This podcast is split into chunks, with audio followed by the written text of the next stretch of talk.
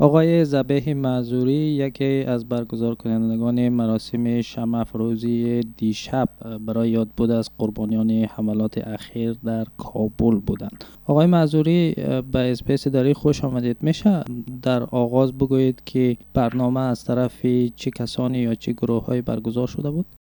تشکر جناب انوری برنامه شمافروزی دیشب در منطقه دندینانگ شهر ملبورن برگزار شده بود. به خاطر یاد بود از قربانیانی که در حادثات اخیر مخصوصا حادثاتی که مشخص هزارها و های افغانستان را هدف قرار داده بود برگزار شد. این برنامه از طرف جامعه های ویکتوریا در شهر ملبورن برگزار شده بود تا ابراز همدردی با خانواده قربانیان که در این عزیزانشان از دست دادن و همچنان به خاطر ای که تعدادی از مردم ملبورن و خصوصا کسایی که در اینجا مقیم هستند در هم جمع شوند و یک یادبودی از قربانیان صورت بگیرند فکر می‌کنید چرا هزارها در افغانستان پیوسته هدف چنین حملات قرار می‌گیرند؟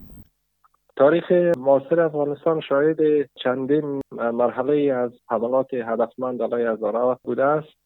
در زمان دوره اول طالبا در سالهای 1990 هزارها و شیعه مشخصا مورد کشتار دست جمعی طالبا قرار گرفتن و همچنان بعد از او در جریان 20 سال گذشته در دوره دموکراسی که یاد نشد هزارها نیز در محلات مختلف مورد حملات هدفمند قرار می گرفتن و دلایل از که چرا هزارها مورد هدف قرار می گیرند به نظر من ای است که هزارها بیشتر به دموکراسی علاقمند بودند و می‌خواستند که تغییراتی که در افغانستان به وجود آمده از او استفاده اعظمی به وجود بیارد به علم و دانش رجوع کرده بودند و می‌خواستن یک آینده بهتری برای خود و برای افغانستان داشته باشند.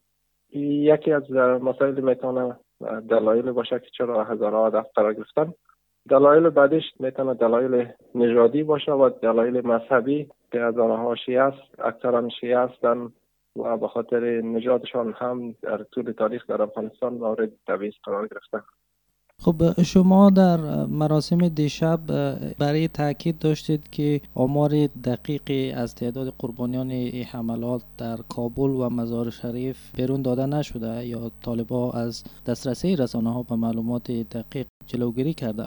آیا تو آمار دارید که مثلا چی تعداد افراد در حملات کشته شده و چی تعداد دیگه زخمی شده؟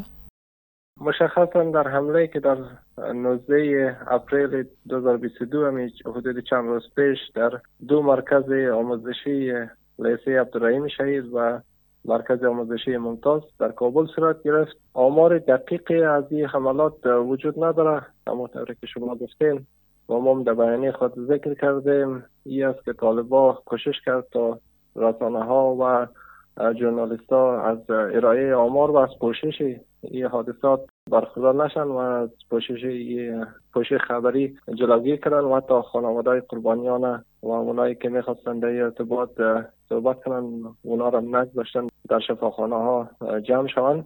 به می دلیل آمار دقیقی وجود نداره اما آمارایی که برای ما از طریق خانواده قربانیان رسیدن و آمارایی که در رسانه اجتماعی نشر شده نشان میده که حدود بیشتر از 100 نفر در دو حمله کشته و زخمی شده است شما در بیانیهتان خواستهای هم از دولت استرالیا داشتید میشه بگویید خواستها چیست؟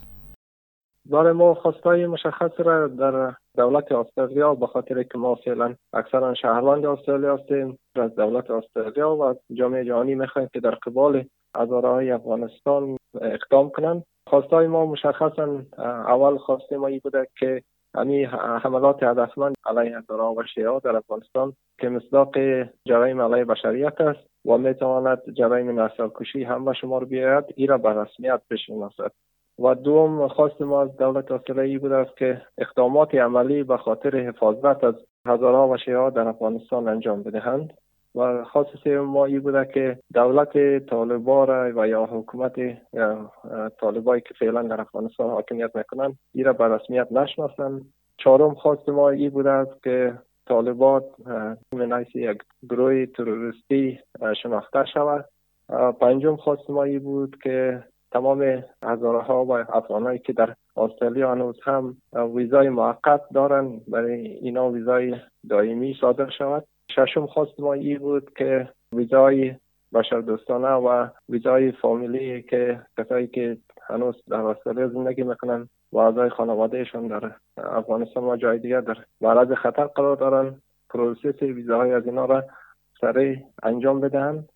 و هفتم خواست ما ای بود که مهاجرین هزاره و افغانی که در اندونزیا هستند و دولت استرالیا یک محدودیتی را بالای از اونا کردن تا اونا در استرالیا قبول نشوند. خواست ای بود که این محدودیت برداشته شود. خب بخشی از خواسته های شما در مورد مسائل مهاجرتی است. آیا تا هنوز اقدامات را که استرالیا در قبال پناهندگان از افغانستان انجام داده و در مورد رسیدگی به درخواست های متقاضیان پناهندگی در استرالیا عمل کرده دولت استرالیا تا هنوز برای شما قناعت بخش بوده؟ ما صحبت را که با مسئولین دولت استرالیا خصوصا مسئولین اداره مهاجرت داشتیم تا حال را اونا اقدامات را انجام دادن که تا, تا جایی را می‌تونه امیدوار کننده باشن. خصوصا در ارتباط به افزایش ویزای یومانیتریان و یا بشر دوستانه که تعداد 16500 ویزای اضافی برای شهروندان افغانستان تعیین کردن این می‌تونه یک اقدام خوب باشد اما در ارتباط با دو موضوع دیگه که ویزای موقت و ویزای کسایی که در استرالیا حدود ده سال بیش زندگی می‌کنن. تا حال را برای ما قناعت بخش نبوده و ما در این ارتباط دادخواهی کردیم و در آینده هم می‌تونیم تا هر چیز زودتر. کسایی که ویزای موقت دارن برای جناب ویزای دائمی داده شوند. در ارتباط به ویزای فامیلی و کسایی که عزیزان نزدیکشان و اعضای خانواده درجه یکشان هنوز هم در افغانستان و یا در کشورهای دیگر زندگی می‌کنن برای ما قابل قناعت نیست به خاطر یک تعداد از هاست اعضای خانواده خودم دور هستن و ما کوشش می‌کنیم که دولت استرالیا و خصوصا اداره مهاجرت پروسه ویزای از اینا را تسریع بخشد و زودتر خانواده از اونا را برشان ویزا بدن تا با عزیزانشان یک شوند. این بخشش بر ما تا حال قناعت بخش نیست و در ارتباط دادخواهی های خدا امو طوری که در بیانیه ذکر کردیم ادامه خواهیم داد.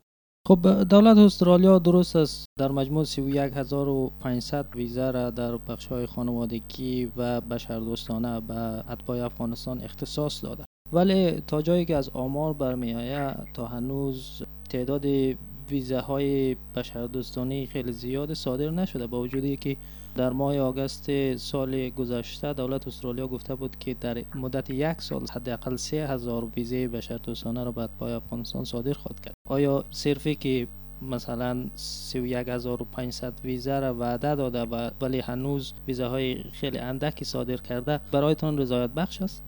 در مجموع برای جامعه که در استرالیا زندگی می‌کنن این پروسه هنوز هم قناعت بخش نیست. با خاطر امر رقم که شما اشاره کردین و سال قبل به این تعداد زیادی از درخواستی ها برای ویزای یومانیتریان یا برای ویزای بشردوستانه و همچنان برای ویزای فامیلی برای دولت استرالیا و وزارت مهاجرت ارسال شده که متاسفانه هنوز هم پروسه از اونا آهسته پیش میره. اما صحبت را که ما با اداره مهاجرت داشتیم اونا وعده دادن که یک تیم مشخص را برای بررسی درخواستی که مربوط به شهروندان افغانستان میشن ایجاد کردن و این درخواستی ها را هر چیز زودتر اونا بررسی می‌کنن. یک تعداد از درخواستی ها اونا از رسیدشان آگاهی دادن برای کسایی که درخواستی دادن. برشان نامه روان کردن که درخواستی های شما برای ما رسیده و زیر کار. اما تا حال تعداد زیادی از ویزه ها در ارتباط صادر نشده و دادخواهی را که ما انجام میتیم دولت استرالیا و اداره مهاجرت باید این پروسه را تسریع ببخشد و یک پروسه بسیار طولانی مثل قبل نباشد. بسیار خوب. آقای معذوری بسیار تشکر. بار دیگه از اینکه وقت گذاشتید که با ما صحبت کنید. قابلش نیست. تشکر از شما.